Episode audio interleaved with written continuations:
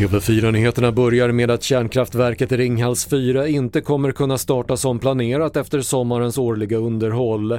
En komponent gick sönder vid ett test och reparationer beräknas ta tre månader, säger Ringhals presschef Anna Collin. Vi kommer göra vårt absolut yttersta för att anläggningen ska kunna återstarta eh, igen som vi har sagt den 30 november. Eh, sen vad det får för påverkan på eh, elpriser och elmarknad, det eh, får jag överlåta till andra att bedöma.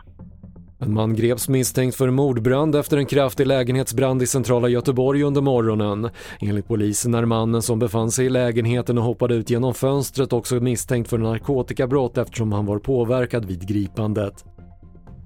Ohemligstämplade dokument gömdes troligen under husrannsakan i ex-presidenten Donald Trumps Florida-residens enligt USAs justitiedepartement.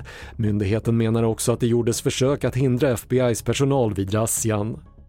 Fler nyheter hittar du på TV4.se. Jag heter Patrik Lindström.